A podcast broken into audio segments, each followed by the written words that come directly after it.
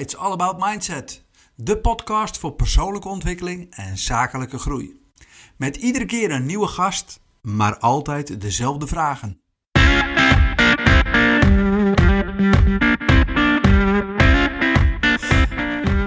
Ja, nou, de, ik weet niet hoe, de hoeveelste podcast, maar ik zit hier eh, tegenover eh, Onno, Onno Willemsen, eh, mijn nieuwe gast. En van harte welkom Onno. Dankjewel Ed. Eh, wat super gaaf dat je eh, wil participeren in de, de It's All About Mindset eh, podcast. En ja, mijn eerste vraag natuurlijk aan jou is, wie ben je? Wat doe je? En dat zijn meteen twee vragen. En de derde vraag er meteen maar achteraan. Waarom doe je wat je doet? Ja, ik ben Onno, zoals je net al zei. Creatief van huis uit. Mijn moeder noemde me vroeger Willy Wortel. Dus ik hou van, van dingen verzinnen. Eh, momenteel eh, werk ik bij eh, DHM, ben ik mede-eigenaar van DHM. En eh, zijn we met een club met projectontwikkelaars bezig de wereld een stukje beter te maken door projectmanagement. Houden ons bezig met natuur, inclusieve infrastructuur, slimme mobiliteit en gezond stedelijk leven. Nou, grote termen, maar je komt dingen tegen als de goede dingen voor het klimaat doen in de manier waarop je bruggen, wegen aanlegt op een hele slimme en natuurinclusieve manier, om het heel klein te maken. En daar ontleen ik heel veel passie aan, omdat het eigenlijk raakt aan een stukje verantwoordelijkheidsgevoel. Dat we iets moeten op een andere manier. Dat kan ik dan heel concreet in dit eh, handen en voeten geven. Ja. En, eh, eh, en aan de andere kant ook een stukje plichtsbesef dat, we, dat ik graag wil bijdragen aan een, aan een goede wereld voor volgende generaties. Dus dat kwam hier mooi bij elkaar en daarom doe ik dit met heel veel passie op dit moment. Oké. Want je, ja, hoe lang ben je hier nu actief? In eh, het bedrijf uh, ja, ik werk nu drie jaar en uh, als partner zeg maar een paar maanden. Okay. Dus dat is echt nog wel heel pril. Okay. We hebben nog een poosje aan elkaar gesnuffeld. En daarvoor ben ik wel tien jaar uh, druk geweest met allerlei aspecten die met slimme, gezonde gebouwen te maken hebben of slimme, gezonde steden. Ja, dus dan, uh, zo kennen wij elkaar ook. En zo kennen wij elkaar. ja. Hey, en, en, en uh, dat vind ik wel inter interessant, want zo heb ik je ooit leren kennen. Uh, waarom uh, slimme, goede oplossingen voor gebouwen? Waarom, waarom vind jij dat leuk? Omdat het eigenlijk niet gaat over de techniek, maar alles gaat over de manier van werken. En kun je daar iets over uitleggen? Zeker. Want daar heb je ooit mijn ogen geopend. nou, ik heb. Eigenlijk doet een techniek op zich helemaal niet zoveel. Nee. En ik heb wel eens de, de, de vraag gesteld: moet de draaideur van jouw gebouw, hè, zo'n groot gebouw op de Zuidas ziet, moet die draaideur nou automatisch draaien of handbediend zijn? Ja. Als je over slim praat. En dan zegt iedereen waarschijnlijk: ja, automatisch draaien met een sensor. En, en toen zei ik: ja, is dat zo? Wat is nou slim? Uh, want als je dan gaat kijken naar die draaideur bij bijvoorbeeld een Deloitte op de Zuidas, waar frictieloze beleving belangrijk is. Ja. ja, dan zou het fijn zijn als dat cameraatje mij ziet aankomen en denkt: oh, oh, Willemsen, laat ik iets harder draaien, want die loopt hard. Dan vind ik dat slim, als je Ja. hem niet wil voelen of ervaren. Maar als je bij Royal Haskoning DNV in Amersfoort bent, waar een Hansing Society Together op de deur staat, waar men zich druk maakt over natuur eh, en klimaat, Ja. Ja, dan wil je eigenlijk die deur handmatig bedienen. Dan verbrand je calorieën, dat is gezond. Ja. En je wekt energie op voor het gebouw. Ja. Dan vind ik dat weer slim. Ja. Dus slim is aan zich doet dus niks, behalve als je het koppelt aan iets wat je wil bereiken. Ja. Nou, en dat vind ik magistraal. Als ik daar aan kan werken, word ik ongelooflijk gelukkig. Dan denk ik, ja, dat vind ik vet. Ja. Um, en het heeft eigenlijk ook altijd, om het te gaan gebruiken, uh, moeten mensen daarin mee. En ik denk dat in de, de trajecten die ik gedaan heb, het gros van de keren het veranderproces in de manier van kijken, denken, handelen van mensen om het tot een succes te maken met die techniek. 80% van, van mijn effort was en misschien maar 20% de techniek. Ja. Dus ja, de grote opgave zit bij mensen. En dit vind ik nou zo leuk, want uh, ik, ik, je leerde me daar twee dingen in. Eén, uh, en, en, je zei het net ook al eventjes toen we aan het voorbespreken waren. Ja, middelen worden soms doelen op zich. Hè? Techniek ja. wordt soms een doel op zich, terwijl ja, het is een middel om iets te bereiken. Uh, en het tweede, wat je net zei, is... misschien is wel de allergrootste uitdaging om een technische oplossing geïntegreerd te krijgen... is hoe zorg je ervoor dat de mensen het gaan gebruiken. Ja. Ik weet dat er een... een ik weet even zijn naam niet meer, maar een wetenschapper aan de Universiteit van Rotterdam die heeft er onderzoek naar gedaan. Het succes van een technische oplossing hangt voor 70 tot 80 procent af van de mensen die het gaan gebruiken en of ze het willen gebruiken. Exact. Hey, en, en de, de, meteen daarop op doorpakkend, want dat betekent dus dat jij heel veel met mensen bezig bent. Klopt. Hoe, hoe doe je dat? Hoe zorg je ervoor dat, eh, dat zo'n draaideur of het nou bij DAV is uh, of dat het bij Deloitte is. Hoe zorg je ervoor dat de mensen het gaan gebruiken? Ja, dat is, dat is ook mensen meenemen in, het, in de verandering.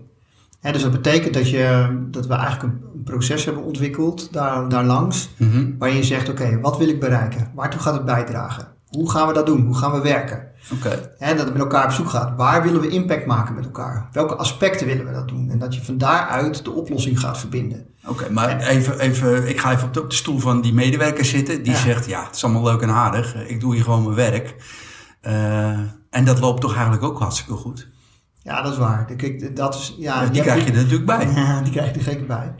Ja, dus nee, kijk, de inclusiviteit om het totale... Kijk, niet iedereen kan natuurlijk bepalen wat er... Uh, wat er gaat gebeuren of wat er moet veranderen. Dat komt vaak uit een, uit een groep of uit, uh, soms uit één iemand. Hè. Ja. Dan heb je de stip de horizon. Ik vind ook wel, dat wordt heel vaak, en Nederland is er zeker heel goed in, dat we maar blijven discussiëren wat we gaan doen. Oh ja, ja, ja. ja dat is wel een beetje aan onze cultuur. En als je meer naar de Aziatische of uh, die cultuur gaat, dan wordt het dus wat geaccepteerd. Dat men gewoon zegt, oh dit is het nieuwe punt de horizon. Hoe gaan we daar komen? Dus ik vind wel eens de uitdaging om te stoppen met wat gaan we doen, maar echt de ombuiging te maken naar hoe gaan we daar komen. Uh, dus, dus dat is één ding wat, wat heel belangrijk is. Dus dat je echt zegt van nou, dit is het punt waar we heen gaan. Hoe gaan we dat nou zo goed mogelijk met elkaar doen? En daarin de mensen meenemen. Oké. En dan stoppen met het wat te discussiëren, maar de hoe-vraag gaan invullen. En daar, daar zie je ook dat eigenlijk ook de energie loskomt. Ja. He, dus die draaideur is dan een gegeven en het feit dat die moet bijdragen, gezondheid, daar wordt even over gemorreld, maar dan wordt daar een klap op gegeven hoe gaan we dit nou zo slim doen dat, we, dat, dat het waarde toevoegt? Okay. En die vraag is eigenlijk makkelijker te beantwoorden dan te blijven hangen in het wat. ja. Hey, en, en, dat deed je natuurlijk altijd, het, zo heb ik je ooit leren kennen, vanuit de, de, het oogpunt van techniek. Hè? En nu zit je bij DHM. Ja. Uh, ik denk dat hetzelfde proces daar gaande is, alleen je rol is wel veranderd. Wat, wat zijn nou de grootste veranderingen ten opzichte van al die jaren ervoor? Voor jou? Ja, dat, dat, uh, ten eerste is het de, de hele projectmanagement, de hele inrichtingskant. Hè? Dat is de slimme inrichting van steden. Dus de manier van werken, de processen die ze hebben. Ja. Dat is een, eh, een nieuwe opgave. Hè? Dus mijn rol is ook minder operationeel, maar meer mensen uh, da daarin meenemen. Vind ik ontzettend leuk om te doen, overigens. En van je kennis te gaan uitdelen en zorgen dat het schaalt. Nou, dat is wel een nieuwe fase. Uh, en tevens zie je ook dat er heel veel parallellen zijn tussen wat ik binnen die gebouwen geleerd heb wat ik nu binnen steden zie gebeuren. Dus dat je van silootjes die vroeger het voor het zeggen hadden, of die belangrijk waren, of die het eh, op zichzelf konden beslissen, veel meer met elkaar moet gaan doen. Dus ja, dat moet ik even wel voorbij vertellen, want DAM die zit veel meer op, ja, want je, je komt uit zeg maar, het verbeteren van een gebouw en, en nu zit het veel meer op het, het verbeteren van een, een, stad, toch? Ja, klopt. Kun je daar nog even iets kort over vertellen? Want ik, ik weet niet of de luisteraars dat helemaal... Ja, dat snap ik helemaal. Nou, het gaat dus eigenlijk over de, de, de mobiliteit uh, en, en de infrastructuren in een stad. Dus daar ga je naar kijken. En je ziet dat dus een combinatie van slimmigheid die je daarin aanbrengt, zowel qua techniek of de manier waarop je het ontwerpt, uh, in combinatie met hoe de stad werkt. Daar zit de, zit, zit de waarde. Uh, dus een heel klein voorbeeldje, als je een, een vrachtwagentje hebt die huisvuil ophaalt. En je hebt een vrachtwagentje die publiek vuil ophaalt. zijn twee vrachtwagens zijn normaal gesproken twee afdelingen. Ja. Ja, en die doen allebei hun ding. En op een gegeven moment is er een slimmerik die zegt... Hey, als ik nou een sensor op zo'n prullenbak plak en een op de lantaarnpaal... dan hou ik het uh, een beetje de rottende de groenbak in de gaten met die lantaarnpalen, zo'n sensor. En de, of die prullenbakken vol zitten, zet ik ook een sensortje op. En die informatie laat ik bij elkaar komen. En hey, die mannen die rijden allebei door dezelfde straat, om en om. Ja. Nou, laten ze elkaar spullen even meenemen. We geven ze een trigger. Ja. Nou, dat is vanuit een technisch oogpunt super makkelijk bedacht. Ja. Daar gaan heel veel techneuten helemaal op aan. En die gaan het helemaal uitengineeren. Maar de echte truc zit hem in dat de vuilnisman die huisvuil ophaalt, wordt afgerekend op vandaag deden 1000, morgen 1100 graag. Ja. En laat maar weten waar ze aan de auto moeten doen, zodat je meer huisvuilcontainertjes kan ophalen op een dag. Ja. Terwijl de, degene die het publiek vuil ophaalt ook de groenperkjes bijhoudt. Af en toe gewenst met de hark en de, de billen tegen de boom een sigaretje te roken. Uh, en het is een hele andere mentaliteit en mindset. Ja. Ja, en als de een de ander gaat helpen, gaat het ofwel ten koste van het aantal containers. Ofwel, uh, je moet ineens heel hard werken of anders werken wat je niet gewend bent. Dus uh, daar zit in de cultuur vaak de grootste opgave om dat om te buigen naar iets wat efficiënt is. Nou, en die combinatie van werkproces, cultuur en techniek, die werelden bij elkaar brengen en daar echt een slimme inrichting en een slimme oplossing voor verzinnen met elkaar. Die ook nog eens opgavegericht is voor de stad. Nou, die puzzel vind ik oneindig interessant. Ja, dat merk ik. En dat is zeg maar ook wat DHM doet, toch? Dat is precies wat DHM wil doen. Ja, en doet. En doet. En doet. En dat betekent ook dat de mensen die daar werken, eh, eh, want ik ken het bedrijf ook al eh, vrij lang, Ja. dat zeg maar ook hun rol, eh, hun achtergrond, eh, de mensen die binnenstromen, die zal waarschijnlijk ook wel veranderen. Ja. Want de echte, eh, de civiele techneut die misschien vroeger binnenkwam bij DHM, ja, die zal misschien nog binnenkomen, maar in ieder geval, als ik je zo hoor, is het veel rijker aan het worden. Ja, je ziet, ik denk dat de kracht zit hem in de kruisbestuiving tussen de, de vakexperts die precies weten hoe iets werkt en hoe je iets uitvoert. En wat, wat binnen zo'n vakdiscipline, zo'n silo wat ik het net over Ja, had, ja. eigenlijk gebeurt. Ja, En de meer advies- en proceskant die erbij komt kijken, die gaat kijken hoe gaan we dat nou zo slim met elkaar in verbinding brengen, zodat het tot resultaat leidt. Zodat het echt bijdraagt aan de opgave eh, droge voeten te houden in je stad of juist meer natuurinclusief dingen te doen. Hè? Ja, Dus daar, die combinatie is interessant. Dus wat je nu ziet gebeuren is dat naast de experts die we hebben zitten, dat we ook adviseurs en procesmanagers aan het aannemen zijn, zelfs mensen op het gebied van digitale transformatie, om eigenlijk met elkaar rond een opgave die mobiliteitstransitie beter te pakken in plaats van alleen maar wegen te maken. Nou, en dat is denk ik de, ver- de vernieuwing die binnen het bedrijf die ik aan het inzetten ben, eh, samen met, eh, met Mark en Barbara. En daar zie je dus ook eh, en Mark en Barbara zijn, mede-eigenaar. Ja. van het bedrijf, ja, Ja. voor de duidelijkheid. Maar daar zie je dus, daar zie je dus de grote opgave en ook de, ja, de verschuiving van activiteiten. Dus eigenlijk wat je net Verrijking van activiteiten. Wat je net zei van in een stad eh, eh, twee, drie culturen bij elkaar brengen. Hè? De, degene die publiek vuil ophaalt en degene die eh, eh, het huisvuil ophaalt. Het zijn twee verschillende mindsets. Ja. Maar in principe gebeurt het eigenlijk ook intern in jullie organisatie. Ja. De vakexpert met zijn eigen mindset Ja. en de procesexpert met zijn eigen mindset. Exact. En wat zijn dan de grootste uitdagingen om die bij elkaar te krijgen? Nou, dat is een beetje dus niet, niet, om, het is niet dezelfde vergelijking, maar het is gelijksoortig alsof je containers ophaalt van huisvuil of containers van publiek vuil. Eh, De werelden en de, de, mental, de manier van werken van beide zijn eh, toch anders.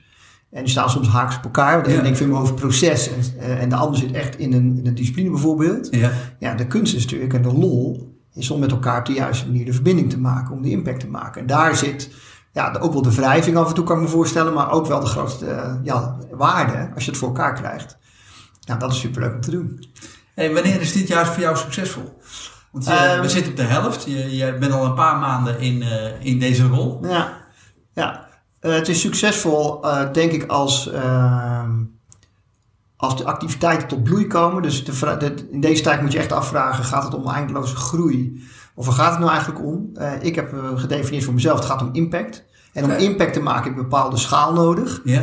Ehm, en impact in de markt betekent dat we dingen slimmer doen, eh, met minder grondstoffen, met minder impact. Gewoon dingen slimmer en beter doen. dus Dus, daar zit mijn echte doel. Ah. Maar impact is niet een soort window dressing voor groei. Nee, Windows is geen, geen window dressing voor groei. Groei is nodig of een instrument onder de impact. En ik, Ah, zou, ik zou het heel succesvol vinden als eh, alle activiteiten en alle keuzes die we maken eh, vanuit de impact en vanuit de opgave komen waar we voor staan, Ja. eh, dat dat leidend is. Dat, Laat, laat, laat ik, ik, Ja. ik, snap, ik snap het, maar ik ben- stel, we zitten over een jaar zitten we weer achter deze twee microfoons. Hmm. En ik zou je dan vragen, wat is het, het, het grootste compliment wat je hebt gehad eh, ten aanzien van je resultaat? Wat, wat, wat hoop je dan dat iemand zou zeggen? dat, dat het duidelijk is waar we naar onderweg zijn, dat het duidelijk is hoe we daar komen en dat ze stappen zien gebeuren in de goede richting. Oké. Eh, in een jaar eh, denk ik dat we dan een heel eind opgeschoten zijn. Ah. Als je het over vijf jaar vraagt, dan staat er gewoon een tent die twee keer zo groot is. En waar, het, waar er gewoon hele gave eh proofpoints zijn van de dingen die we nu beloven. Waar we nu onderweg zijn, die dan gerealiseerd zijn. Gaaf. Leuk, Ja. leuk. Ja, Hey, ehm, het tweede deel van deze podcast Ja. is altijd, en eh, dat vind ik ook altijd interessant, zeker als ik jou eh, aan de overkant aan de tafel zie zitten. eh, de drie vragen, waar heb je Ja. over verwonderd? Wat is je grootste inzicht? En tot welke actie moet dat, of zou het moeten leiden? Waar heb jij je over verwonderd? Ik heb me over verwonderd dat ik eh, bij mezelf een enorme, terwijl ik heel duurzaam bezig wil zijn, een enorm verzet voelde komen op alle signalen die op me afkomen. Met bewegingen, met vlag op een kop, met stikstof, met alles wat er nu gebeurt. Dat me dat aanzette tot verzet in plaats van dat het me aanspoorde tot verandering. Oké. En dat was een, eh, dat heb ik behoorlijk moeten kouwen op de een of andere manier dat dat gebeurde. En ehm, ik heb Dus het daar- begon niet met verwondering, het begon Nee, met het frustratie. begon absoluut niet met verwondering. met pure frustratie, hè, dat klopt. Maar nu verwonder je erover. Nou, ik, ik verwonder me over een paar dingen. Dat je dus blijkbaar in staat bent om niet daarin te blijven hangen, maar je, jezelf naar een niveau te tillen, afstand te nemen, denken waar komt het uit voort en hoe kan dit en wat zegt me dit? Ja. En dan vallen soms puzzelstukjes op een plek. En het lijkt erop op het moment dat je wil dat je een oplossing komt en dat je daarvoor de ruimte creëert, Ja. dat die dingen op je pad komen. En dat vind ik mijn hele leven eigenlijk al het grootste wonder wat er is.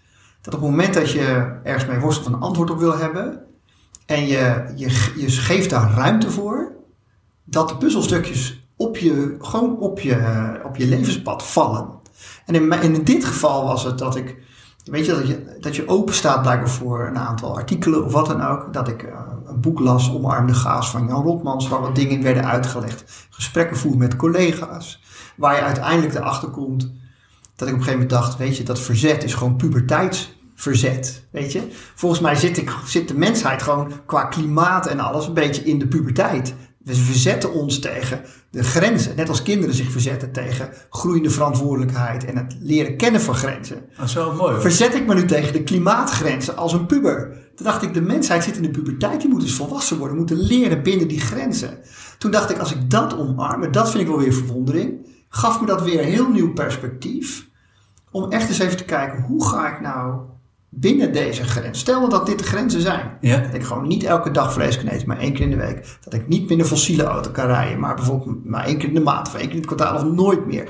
Hoe ga ik dan in die nieuwe setting, binnen die grenzen, tot bloei komen? Net als volwassenen heel goed in staat is binnen de levensregels en zijn sociale omgeving en zijn vaardigheden, binnen die barrière, die grenzen, zeg maar, die, tot bloei te komen, zichzelf te ontwikkelen. Toen dacht ik, als dat mijn perspectief wordt, dan ontstaat er heel veel nieuwe inspiratie en ruimte. En ik, ik verwonder me er dus over dat ik blijkbaar dus in staat ben om dit te laten gebeuren en tot dit inzicht te komen.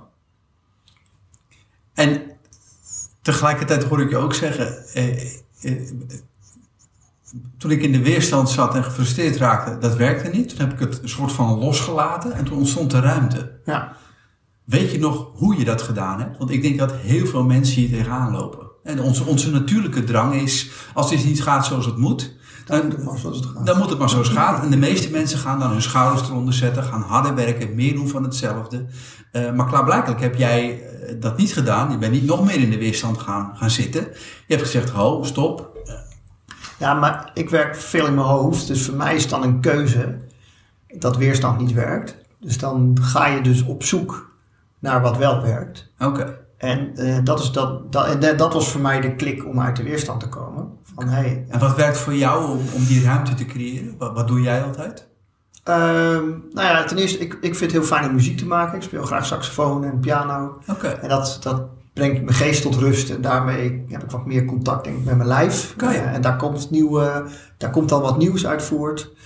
Eh, of ik ga, ik ga mijn dilemma voorleggen aan mensen. Dat vind ik dus ook heel interessant. Van joh, ik loop tegen wat, wat, wat doet het met jou? En dan krijg je gesprekken zoals deze. Ja. En dan ontstaat daar weer nieuw inzicht. En zo ga je langzaam een beetje ga je, ja, het, eh, je frustratie en eh, je, je, je ruimte creëren eigenlijk. Je frustratie omzetten in een ruimte. En Ja. wat meer open blik. Om te kijken wat je ontdekt en wat het met je doet. En, ja, dat is voor mij de manier. Hey, en dit is een manier die, die werkt. Ehm daar ben ik altijd benieuwd, hè, want eh, mensen weten vaak wel wat ze moeten doen, Ja. maar doen niet wat ze weten. Zeker niet als iets goed voor hen is. Nee. Heb jij nou dit voor jezelf, hè, nu je weet dat dit werkt, even vrek, af en toe moet ik gewoon even stoppen. Moet ik even muziek gaan maken, moet ik afschakelen, want dan ontstaat er weer ruimte. Eh, plan jij dat nou voor jezelf in? Heb Ja, ik zit, als ik heel eerlijk ben, precies in dat proces om dat te doen. Want ik heb eigenlijk zelf ook pas recent ontdekt dat die combinatie van eh, je ergens in vastbijten en even de ruimte pakken om tot nieuw inzicht te komen, dat ik mezelf die tijd en ruimte moet geven om dat te doen. Dus dat is, eh, dus dan, anders loop je ergens echt continu tegenaan en Ja. ga je het dan doen. Dus, ik, dus daar, daar, maar dan is het wel een soort ritme wat je moet leren vinden. Van bijvoorbeeld twee maanden keihard werken en dan toch echt even een poosje de tijd nemen om even in die caravan te gaan zitten, spreekwoordelijk Ja, of op een bootje eh, te gaan zitten. Om even dingen los te laten en even te luisteren naar jezelf. Wat komt er nu meer naar boven? En Maar heb je dat dan nu ook daadwerkelijk gepland? Of, of zeg je van, nee, ik Ehm, ben tot dit inzicht gekomen? Ik ben tot inzicht gekomen en ik heb voorvoetend de eerste planning gemaakt. Maar de, als we over een jaar hier zitten, zal ik je ook vertellen of het gelukt is. Ja, maar dat is het vaak wel. hè, Dat je, Ja, je moet het gaan doen gewoon. Ja, je je verwondert je ergens over, Ja, dan ja. krijg je dat inzicht. Ja.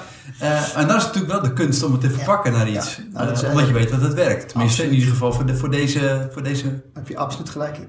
nou, Nou, en waar ik ook geïnteresseerd in ben, Ed, waar verwonder jij je over? Eh, nou, ik, ik, het is wel bijzonder, want het proces waar jij in zit, zit ik natuurlijk ook in. Hmm. Eh, eh, en eh, soms moet je eerst even stilstaan om bij jezelf goed te voelen van hé, wat is hier aan de hand? Om vervolgens weer verder te kunnen. Terwijl mijn natuurlijke drang is om, als het niet gaat zoals het moet, dan moet het maar zoals het gaat. En, Herkenbaar. gas geven ken ik. Maar ik merk elke keer weer dat hoe meer gas je geeft, hoe meer je je omgeving eigenlijk van je afduwt. Ja. Dus waar ik me de afgelopen tijd over verwonderd heb, is als je echt afschakelt, Ja. ehm, echt stopt en contact weer maakt met, eh, met je binnenkant, Mhm. dan ehm, ga je weer dingen voelen. Ja. En eh, dat wat ik, en dat ben ik niet zo gewend, want eh, eh, nou, ik denk dat dat de hele westerse maatschappij is. Wij zijn niet zulke voelers. Wij worden opgeleid in ons hoofd en Ja. eh, we luisteren niet zo naar ons lichaam. Maar dan luister je weer naar je lichaam en dan eh, voel je in één keer allerlei emoties. Ehm, emoties als trots, emoties ook als schaamte en schuld en ongeduld. En ik ben altijd van nature iemand geweest dat als je dat voelt, dan, dan druk je die weg. En dat wegdrukken, dat doe je of door, eh, nou, nou, wat ik net zei, hè, harder werken, meer doen van hetzelfde. Ja. Of eh, het goed praten, eh, cognitieve dissonantie, alles wat krom is, dat, dat klets je recht. En ik heb inmiddels geleerd, en daar ben ik heel veel mee aan het oefenen, om die emoties maar gewoon te laten zijn, om er naartoe te gaan. En ik vergelijk dat altijd maar met een, een, een bal die je onder water duwt. Als je in het zwembad zit, je bent met je kinderen aan het spelen, dan ga je op een gegeven moment die bal verstoppen en die duw je dan onder water. En hoe dieper je hem duwt, hoe meer druk die naar boven geeft. En eigenlijk is emotie vergelijkbaar met zo'n bal. Emotie staat voor energy in motion, energie in beweging.